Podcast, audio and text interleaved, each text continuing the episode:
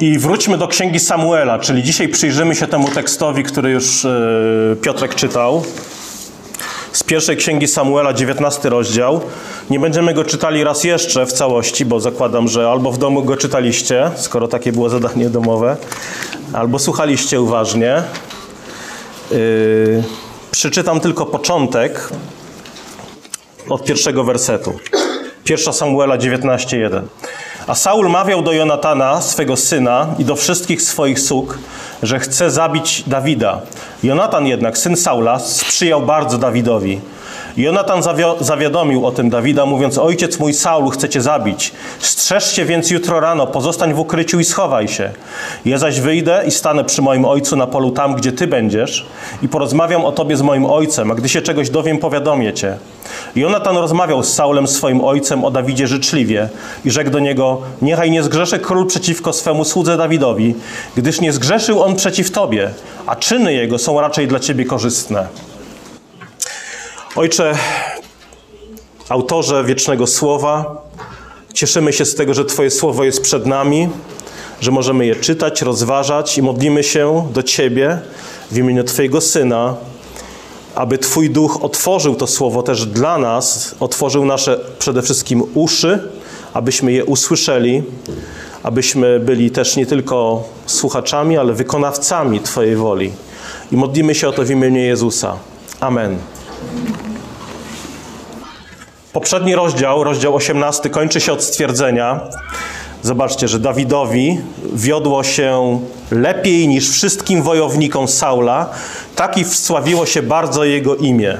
Czyli 18 rozdział miał, można powiedzieć, happy end. Może się wydawać, że po prostu wszystko się dobrze kończy. Dawid pokonuje Goliata, E, ma sławę w Izraelu, jest ceniony, śpiewają o nim pieśni i mógł pomyśleć, Dawid miał wszelkie powody, żeby pomyśleć, że sytuacja się poprawia. Jest wierny Saulowi, wsławia się w bitwach, Bóg go błogosławi, wszystko idzie ku dobremu. Nie wiem, czy kto z Was widział serial 24 godziny. My z dziećmi zaczęliśmy oglądać ten serial już drugi raz, przynajmniej ja z Jolą. I zwykle jest tak, no będzie taki nie do końca spoiler, ale coś, coś wam powiem na temat tego serialu. On ma 24 odcinki i zwykle jest tak, że w 14 odcinku niby już terrorysta jest złapany czy zabity, niby już rodzina głównego bohatera jest bezpieczna, a tu od połowy serialu okazuje się, że sprawy mają się jeszcze gorzej niż było na początku. I tutaj y, w tej historii dzieje się podobnie, że Dawid mógłby pomyśleć, że w końcu sytuacja się poprawia, Udowodnił Saulowi swoją lojalność i odwagę. Bóg jest z nim. Otrzymuje córkę królewską za żonę, ale Saul oznajmia, pierwszy werset, mawiał do Jonatana, swego syna i wszystkich sług, że co? Że chce zabić Dawida. Zobaczcie, nie kryje tego przed swoim synem, przed sługami. Ale ciekawe jest to, że to stawia przede wszystkim Jonatana, syna Saula i przyjaciela Dawida, pomiędzy lojalnością wobec ojca i lojalnością wobec przyjaciela. Co robi, Saul, y, co, robi, co robi Jonatan? Jonatan wybiera przede wszystkim lojalność wobec Boga i sprawiedliwości. I to jest postawa, na której Jonatan stoi wspierając Dawida. Czyli kiedy Jonatan wchodzi w przymierze z Dawidem, kiedy ukochał Dawida, to nie chodzi tutaj o jakieś personalne sympatie. Ja wolę mojego kolegę niż mojego ojca, bo z moim kolegą mogę przynajmniej pojeździć na rowerze, polować, a z ojcem ma taki zgret. Przede wszystkim w tym, co robi Jonatan, chodzi o rozpoznanie Bożej woli, ale jednocześnie chcąc być posłuszny Bogu, staje się, jest cały czas, jest wiernym synem. Cały czas wykonuje, jest wykonawcą przykazania czci ojca i matkę, jak nakazał Bóg. Czyli co robi? On stara się zmienić nastawienie swego ojca, Saula, wobec Dawida, poprawić ich relacje. Aranżuje więc spotkanie Dawida z Saulem, przekonując swojego ojca, że słuchaj, czyny Dawida są dla ciebie korzystne. On jest twoim sługą. Dzięki niemu zwyciężyliście w bitwie z Filistyńczykami. I w Twoim interesie, tak naprawdę on oznajmiał Saulowi, w Twoim interesie jest pojednanie z Dawidem. I, I, kiedy zobaczycie tę rozmowę Jonatana z Saulem, ze swoim ojcem, to zobaczycie, że kilka razy używa słowa grzech. Jonatan rozmawiał z Saulem, swoim ojcem, o Dawidzie życzliwie, zwróćcie uwagę, życzliwie, i rzekł do niego: Niechaj nie zgrzeszy król przeciwko swemu słudze Dawidowi, gdyż nie zgrzeszył on przeciwko tobie, a czyny są raczej dla ciebie korzystne. W piątym wersecie mówi, dlaczego miałbyś zgrzeszyć przeciwko krwi niewinnej? Mówi o grzechu, precyzuje ten grzech, o co chodzi, ostrzegając Saula, żeby nie zgrzeszył przeciwko niewinnej krwi Dawida, po prostu no, bez powodu. Czyli z jednej strony widzimy szacunek w tej rozmowie, rozpoznaje, że zwraca się do swego ojca, zwraca się do swojego do króla, ale z drugiej strony jest odważny w tym, jak ostrzega swojego ojca. Mówi wprost o grzechu. I co Saul robi? Saul słucha i Saul składa przysięgę, że nie zabije Dawida. I tak oto dzięki staraniom Jonatana Dawid wraca na dwór królewski. Ale co? Ale co się dzieje? Saul tak naprawdę, on w tym wszystkim nie jest ani trochę skruszony. Jedyną rzeczą, na której zależy tutaj Saulowi, jest po prostu jego wizerunek, jego PR. No dobra, niech wróci. Niech to dobrze wygląda. Nie? Zobaczcie, że bardziej zależy mu na tym, jak to wygląda w oczach ludzi, niż na tym, czy to, co robi, jest właściwe. I z Saulem dzieje się to, co dzieje się z każdym z nas, kiedy nie okazujemy skruchy, kiedy się nie nawracamy na bieżąco. Z Saulem się dzieje to, że brnie w coraz mroczniejsze rejony i coraz gorsze grzechy. Nie wyznaje grzechów na bieżąco, ale ukrywa je i brnie w coraz większe, ciemniejsze zakamarki. I te pozory Saula, one trwają krótko. Zwykle te pozory trwają krótko, one trwają do kolejnego zwycięstwa Dawida nad Filistyńczykami. E, wtedy Saul po prostu już nie mógł znieść widoku pobożnego Dawida, oddanego sługi. Widział w Dawidzie tylko rywala do królewskiego tronu, o co zresztą Dawid w ogóle nie zabiegał. I zobaczcie, w tym wszystkim Dawid jest obrazem Jezusa. Dawid jest pokorny, mimo siły, chwały, glorii, którą ma. On służy pokornie w pałacu króla, grając na harfie. Natomiast Saul co robi? Saul, to jest też ten kontrast, zobaczcie. Da, Dawid ma harfę, a Saul co ma? Saul ma włócznie. To jest też celowy kontrast w tym tekście. Te dwa obrazy razem kontrastują człowieka, który jest oddany Bogu i człowieka, który jest oddany grzechowi i myśli tylko o sobie. Dawid jest pobożny i myśli Bożej chwale, ma harfę, gra Bogu na chwałę. Saul jest bezbożny, trzyma włócznie, myśli tylko o sobie i własną chwałę. I co się dzieje? Czytamy, że Saul, trzymając włócznie, chciał przygwoździć Dawida do ściany, lecz ten wymknął się i uciekł. To jest kolejny obraz Chrystusa. W Ewangeliach za każdym razem, kiedy Jezus pokonuje siły ciemności, kiedy Jezus na przykład wypędza demony, faryzeusze są jak Saul, chcą go przygwoździć. Chcą go przygwoździć albo słowem, albo dosłownie, chcą go, chcą go zabić. I oczywiście ta historia tak się kończy, historia ewangeliczna, że w końcu Jezus daje się przygwoździć, ale po to, żeby dokonać ostatecznego zwycięstwa nad Goliatem, nad diabłem, nad Saulami, Dawid, tak jak Jezus, to jest prześladowany król, który odnosi zwycięstwo, ale zobaczcie tę drogę Dawida. I ta droga Dawida do chwały, do zwycięstwa, to jest droga Chrystusa. Dawid nie upiera się zachłannie przy tym, aby objąć władzę, mimo że ma ku temu wszelkie podstawy. Bóg go wybrał, Samuel go namaścił, ale Dawid stał się sługą wszystkich po to, żeby w końcu panować nad wszystkimi. I ostatecznie tak historia Dawida się kończy, że wszystko, co jest w domu Saula, staje się własnością Dawida.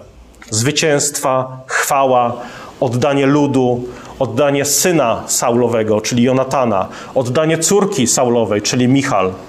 Ale zobaczcie, Dawid to wszystko otrzymuje, ale nie wskutek jakichś intryg, spisków, knowań, jakichś politycznych gier, ale wskutek wierności Bogu kontekstem i jego narzędziem działania jest oddana szczera wiara. Piotr mówi, że chrześcijanie, że my powinniśmy oczekiwać podobnego traktowania co Dawid. 1 Piotra 2,18. Czytamy takie słowa. 1 Piotra 2,18. Także kiedy czytamy historię Dawida, nie dziwmy się, to jest droga Chrystusa, ale też droga Chrystusa to jest droga każdego z nas. 1 Piotra 2,18. Domownicy, bądźcie poddani z wszelką bojaźnią Panom, nie tylko z dob dobrym i łagodnym, ale i przykrym, albowiem to jest łaska. Jeśli ktoś związany w sumieniu przed Bogiem znosi utrapienie i cierpi niewinnie. Bo jakaż to chluba, jeżeli okazujecie cierpliwość, policzkowanie za grzechy. Ale jeżeli okazujecie cierpliwość, gdy za dobre uczynki cierpicie, to jest łaska u Boga. Na to bowiem powołani jesteście, gdyż i Chrystus cierpiał za was, zostawiając wam przykład, abyście wstępowali w Jego ślady. On grzechu nie popełnił, ani nie znaleziono zdrady w ustach Jego. On, gdy mu złożeczono, nie odpowiadał złożyczeniem. Gdy cierpiał, nie groził, lecz poruczał sprawę temu, który sprawiedliwie, sprawiedliwie sądzi. Kiedy czynisz dobro, nie dziw się, że współcześni Saulowie chwytają za włócznie. I Saulowie, zobaczcie, Saulowie mogą być, mówiąc językiem biblijnym, w naszym obozie, w kościele. Nie tylko Goliatom nie podoba się to, co robił Dawid, ale nie podoba się to również Saulom. I zauważcie to, że Saul jest poruszony nienawiścią, jest poruszony takimi swoimi morderczymi planami w sytuacji, nie kiedy Dawid tam walczy przeciwko niemu, kiedy Dawid po prostu robi coś dobrego. Dlatego nie dziwmy się temu, że taka będzie reakcja. To nie jest tak, że powinieneś teraz czytać ten tekst i mówić, nie, coś źle zrozumiałem, jak to? Dawid robił dobrze, a ten go chce włócznią przybić? Za zło to rozumiem jakiś sprzeciw, ale za dobro? O co tutaj chodzi? Ale nie dziwmy się, tak jak mówi Piotr.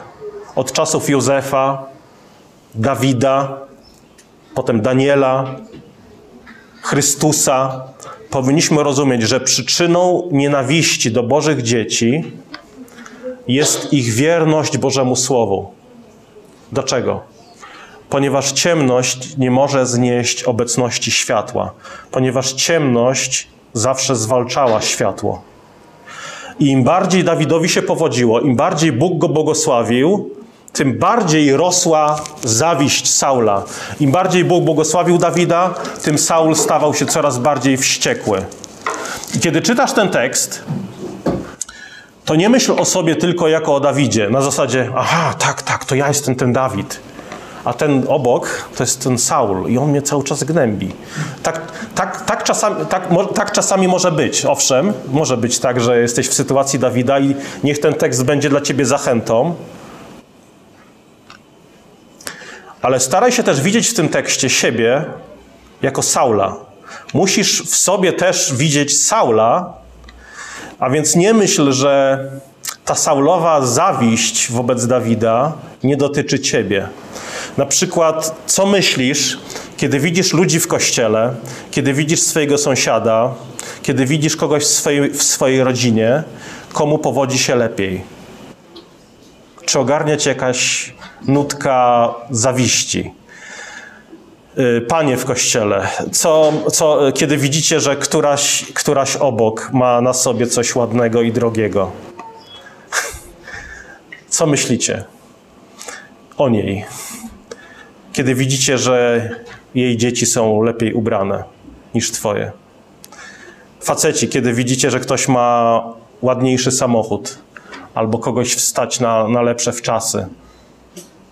Dzieci albo młodzież, kiedy widzicie, że ktoś ma, nie wiem, większy pokój, albo sam jest sam w pokoju, a ty a musisz, a ty z kimś musisz. Kiedy, kiedy ktoś ma, nie wiem, nowszy telefon albo lepszy rower. Zobaczcie, że w, w nas jest cały czas ten Saul i musimy go przebijać włócznią. Czasami odzywa się w nas ten Saul. Ona mnie wkurza. On mnie wkurza, on zagraża mojej pozycji w towarzystwie. Teraz cała uwaga będzie na nim. Nie? Taki był Saul. Teraz cała uwaga jest na nim. Owszem, śpiewają, że Saul pobił tysiąc. No, wspaniale. Ale Dawid pobił dziesięć tysięcy. O nie. On teraz jest centrum uwagi wszystkich. I kiedy, y, kiedy y, druga próba zabicia Dawida przez Saula włócznią nie udaje się, to Saul posyła swoje sługi, swoich rycerzy do domu Dawida, żeby go nad ranem zabili. Ale Michal, córka Saula, żona Dawida, zwodzi swojego ojca i pomaga uciec Dawidowi przez okno. I co robi? Zobaczcie werset, to jest 19 rozdział Samuela. Ta historia powinna nam przypomnieć od razu inną historię biblijną, yy, albo przynajmniej kilka historii biblijnych. Tutaj w tej jednej się, można powiedzieć, streszcza. 19:11. Wysłał Saul oprawców pod dom Dawida, by go pilnowali i rano go zabili. Lecz Michal, jego żona, doniosła o tym Dawidowi, mówiąc, jeżeli w ciągu tej nocy nie ujdziesz, nie ujdziesz z życiem, jutro zostaniesz zabity. I Michal spuściła Dawida na dół przez okno, tak iż uszedł i wymknął się i uratował. Potem wzięła Michal bożka domowego i położyła go na łożu, a plecionkę z koziej sierści położyła u jego wezgłowia i przykryła płaszczem. A gdy Saul wysłał oprawców, aby pojmali Dawida, rzekła, chory jest. Saul wysłał ponownie oprawców, aby zobaczyli Dawida, nakazując im: Sprowadźcie go do mnie na łożu, a zabiję go. A gdy oprawcy przybyli, oto na łożu leżał bożek domowy i plecionka z koziej sierści była u jego wezgłowia. Wtedy rzekł Saul do Michal, dlaczego mnie tak oszukałaś i wypuściłaś mojego wroga, tak iż się uratował? A Michal odpowiedziała Saulowi, on mi zagroził, puść mnie, inaczej cię zabiję. Michal, żona Dawida, córka Saula, używa kłamstwa, używa, można powiedzieć, strategii podstępu. Biblia nie komentuje tego yy, zachowania jako grzechu. Biblia komentuje to raczej, przedstawia Michale jako, przedstawia to jako akt lojalności wobec Boga i jego pomazańca. Michal również miała prawo obawiać się o swoje życie, dlatego okłamała swojego ojca, że da Dawid jej, jej zagroził. Ale w tej, w tej historii jest, jest wiele symboliki. Na przykład zwróćcie uwagę, pamiętacie Paschę. Jest wiele symboliki z, z, Paschy w tym wydarzeniu. Ucieczka Dawida była rodzajem Paschy. Tak jak w czasie Paschy, tutaj ocalenie przychodzi nocą. Substytutem Dawida, można powiedzieć, jest kozioł. Saul jest jak faraon, który nie chce dopuścić do wolności Dawida. Innym wydarzeniem, które powinniśmy tutaj dostrzegać, jest historia Jericha.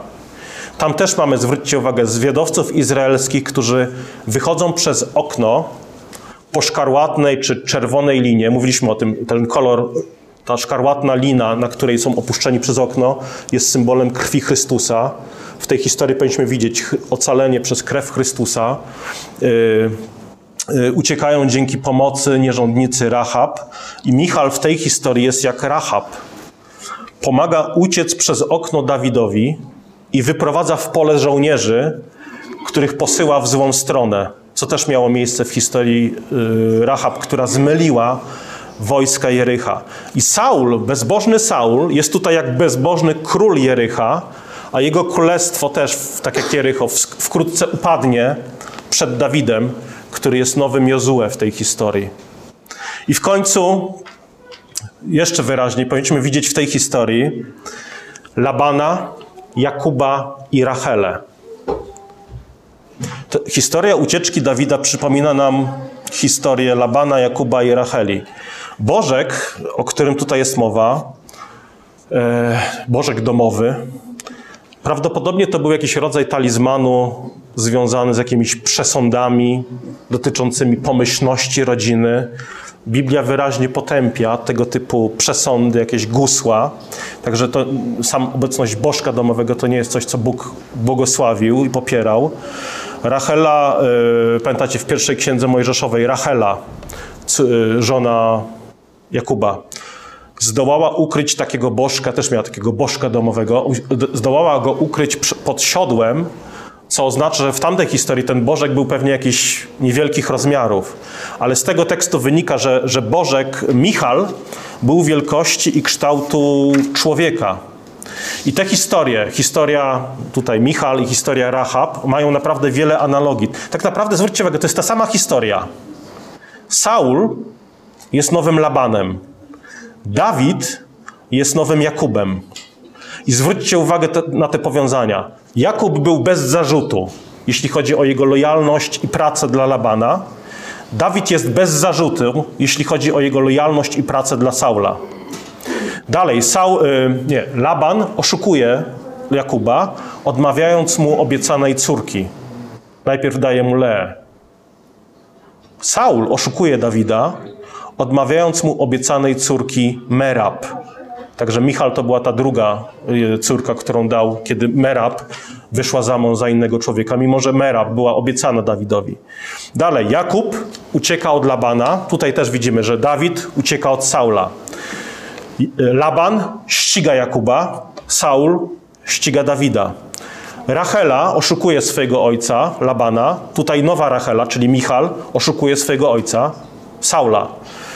Rachela kłamie na temat bożka domowego. Tutaj Michal również używa bożka domowego, żeby zwieść otoczenie Saula.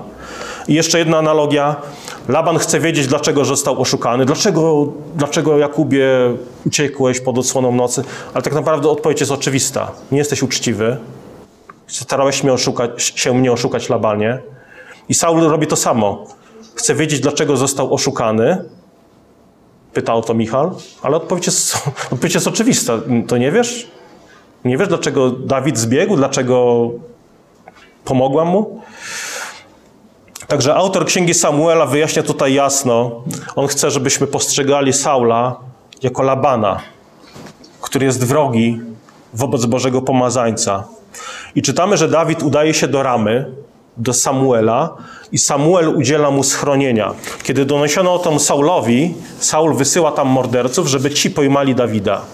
I kiedy posłańcy Saula przybywają do Ramy, wszyscy czytamy, że wpadają w zachwycenie, nie wykonują swojego zadania, popadają w zachwycenie, duch, ogarnia ich duch, popadają w zachwycenie. To zachwycenie, ono nie jest dokładnie tutaj wyjaśnione, co, co się z nimi działo. Prawdopodobnie to mógł być jakiś rodzaj niekontrolowanego uwielbienia Boga. Duch Święty stąpił na nich i, i nie wiem, czy to był jakiś rodzaj transu. Nie, nie czytamy nawet żadnych słów, które wypowiadali.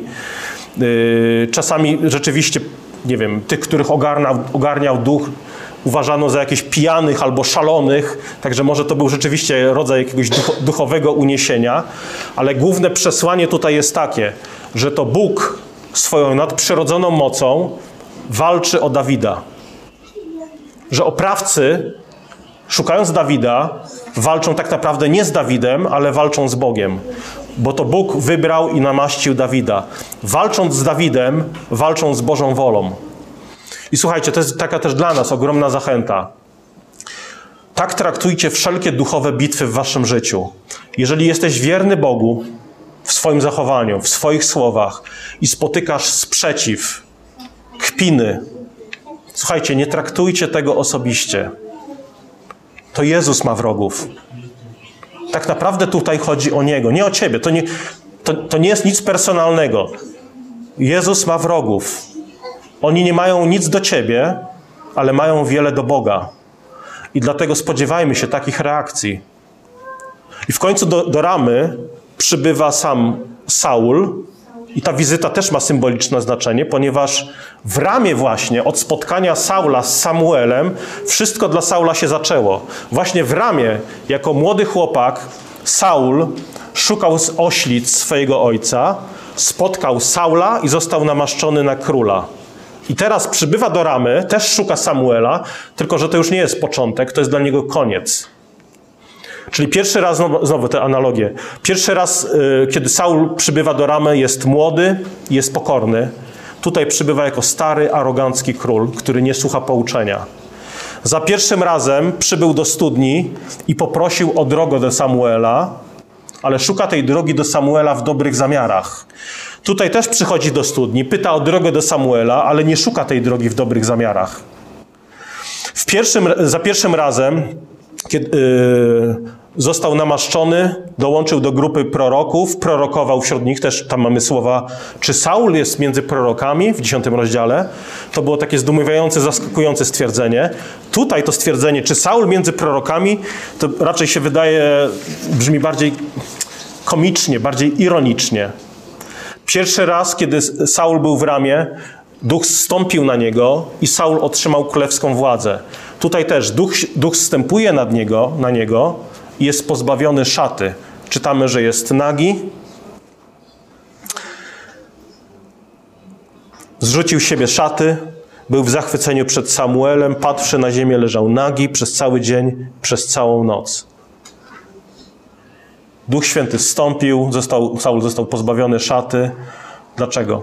Dlatego, że szata jest symbolem autorytetu, jest symbolem pozycji. Na przykład w taki sposób traktujcie, traktujemy zresztą, nie? Mundur, na przykład policjanta, yy, kitel lekarski, czy strój pastora. To nie jest jakieś wskazanie, że ktoś jest lepszy lub gorszy. Ubiór wskazuje na pozycję, na funkcję. I kiedy Saul jest pozbawiony szaty, oznacza to zarówno wstyd, jak i pozbawienie, pozbawienie jego pozycji królewskiej, jego autorytetu jako króla. I wszystkie te analogie mają na celu podkreślenie tej radykalnej różnicy w duchowej kondycji serca Saula. Za pierwszym razem, kiedy przybył do Ramy, był pokorny, chętny do pouczenia. Tu jest twardym, pysznym, zarozumiałym królem. W całej tej historii możemy też zobaczyć, jak zaufanie do Boga, yy, zaufanie Dawida do Boga objawia się w jego czynach. Ale Biblia też odsłania nam, jak te czyny Dawida, o których tutaj czytamy, bo to były czyny wierności Bogu, ale Biblia odsłania nam również, jak to zaufanie Bogu w życiu Dawida wyglądało wewnętrznie. I o tym czytamy w psalmach. Tam widzimy, co Dawid czuł, jakie miał serce, co stało za tymi historiami, co, co stało za decyzjami Dawida, jak się modlił, jak odczuwał to, co się działo, czego się bał, czego pragnął. Bóg powiedział Samuelowi, że słuchaj, ja patrzę na serce. Człowiek patrzy na to, co jest przed oczyma, ale Bóg patrzy na serce. I to dotyczy ludzi, ale to dotyczy też sytuacji. Dlatego, że kiedy Dawid uciekł z domu Saula przez okno, nie? uciekł, Michal go mu pomogła, to to wyglądało jak tchórzostwo. Ale Bóg widzi więcej. To był w rzeczywistości triumf Dawida. Dlatego, że stanął za nim syn Saula, córka Saula, prorok Samuel i sam Bóg. Saul przed oczami byśmy powiedzieli, o, wspaniały król. Saul cały czas był na tronie, ale tak naprawdę już go stracił. Natomiast Dawid tułał się po pustyni, ale tułał się po pustyni jak, jako król. Także Bóg Biblii odsłania nam, co stoi za tym, co widzimy. Coś, co jawi się oczom jako wielkie, jako po prostu saulowe, w rzeczywistości może być hańbą i kolosem na glinianych nogach, bo Boża przychylność Saulu jest w innym miejscu. Mimo, że ten człowiek jest na pustyni i się tuła po jaskiniach, Bóg jest z nim. I to jest kolejny przykład tego, że potrzebujesz Bożej mądrości, potrzebujesz objawienia Bożego, potrzebujesz Jego słowa, Biblii, żebyś rozumiał, że tu nie chodzi o jakieś zewnętrzności. Nie patrz tylko na to, co widzą oczy.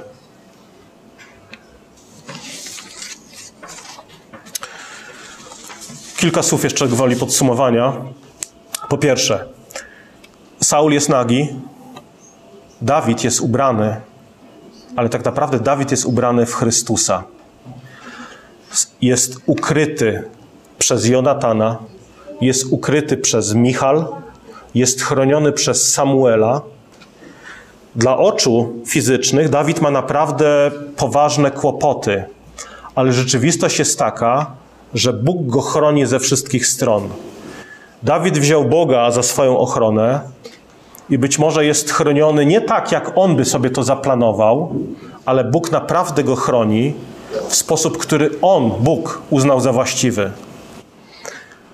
Dawida chroni Samu, e, Jonatan, Michal, Samuel, natomiast Saul w przeciwieństwie do Dawida jest po prostu wystawiony przez swojego syna, córkę i zawstydzony przed Samuelem.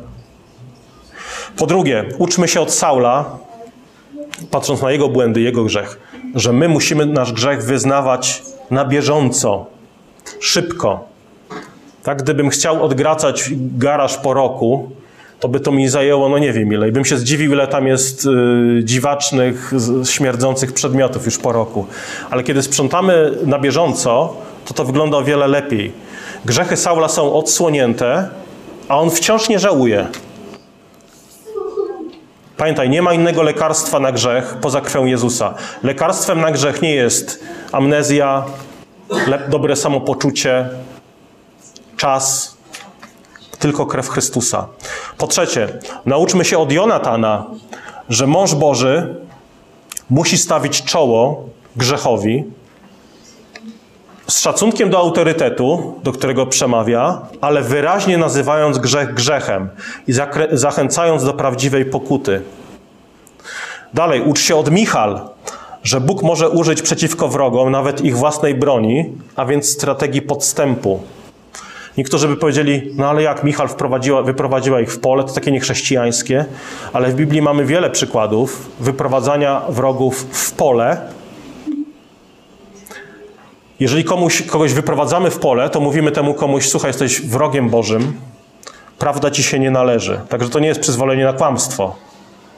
Ale chodzi o to, że nie jesteśmy winni prawdy ludziom, którzy chcą z niej zrobić użytek przeciwko życiu ludzkiemu. Uczmy się od Samuela, żeby chronić sprawiedliwych, wstawiać się za pobożnymi, a nie być biernymi, jakimiś neutralnymi pośrodku. Samuel wstawił się za Dawidem, nie mówił, wiesz co, nie będę, nie będę wchodził między ciebie a Saula, załatwcie to między sobą. Nie, wiedział, że Dawid jest pokorny, wiedział, że Boża przychylność jest po stronie Dawida i pomógł Dawidowi. Także Jonatan, Michal, Samuel chronią Dawida, ale pamiętajcie, za nimi stoi dzieło Ducha Świętego. Bóg poprzez poprzez nich chroni Dawida. Oni są jak Chrystus, który chroni ciebie przed złem, przed grzechem, przed zwiedzeniem. I w dzisiejszej historii, to jest też ostatnia myśl na dzisiaj, przede wszystkim zobaczmy Jezusa. Jezus został rozebrany do naga, został zawstydzony na krzyżu. Na krzyżu wisiał jako nowy Dawid na wygnaniu. Saulowie tamtych czasów odzierali go z szat, bluźnili, oskarżali go, ale Chrystus powrócił do świętego miasta jako zwycięski król trzeciego dnia. Bóg przyodział go w nowe szaty, bielsze niż śnieg. I nawet kiedy Jezus był odrzucany, prześladowany, niesprawiedliwie oskarżany, cały czas Ojciec był z nim. Teraz Ty jesteś odziany w Chrystusa, jeżeli Jemu zaufałeś. Bóg ubrał Ciebie w szaty sprawiedliwości i świętości Chrystusa. Na koniec list do Galacjan, który o tym mówi. 3, 3, trzeci rozdział, 26 werset. Albowiem wszyscy jesteście synami Bożymi przez wiarę w Jezusa Chrystusa. Bo wszyscy, którzy zostaliście w Chrystusie ochrzczeni, przeoblekliście się w Chrystusa. Jesteśmy przyobleczeni w Chrystusa, chronieni Jego mocą. Jesteśmy w Nim, w Jego rękach bezpieczni. Nie dlatego, że my mamy jakieś wyjątkowe zdolności po nawróceniu, ale dlatego, że chroni nas mocny, dobry pasterz. 1 Tymoteusza 1,12 mówi: Dzięki składam temu, mówi apostoł Paweł, który mnie przyoblekł mocą Chrystusowi Jezusowi, naszemu Panu, że uznał mnie za godnego wiary, skoro przeznaczył do posługi mnie. On mnie przyoblekł mocą. Jezus przyoblekł Cię mocą. Żyj w tej mocy, żyj w radości, żyj we wdzięczności. Pomódmy się. Łaskawy Ojcze, dziękujemy Tobie za Twoje cierpliwe pouczenie Twojego słowa, które przekazałeś nam, Twojemu Kościołowi. Wierzymy, że ono jest żywym słowem, a nie jakąś martwą literą. Dlatego wierzymy, że ma moc przemienić nas, uczynić nas silniejszymi w wierze. Prosimy Cię o wierność na wzór Dawida. Prosimy Cię o y, wytrwanie, o owoce godne wiary. Prosimy, aby naszą reakcją na wysłuchanie Twojego słowa była ufna wiara, nawrócenie z grzechu, y, oddanie Tobie, które jest widoczne nie tylko w słowach, ale w naszych uczynkach. Amen.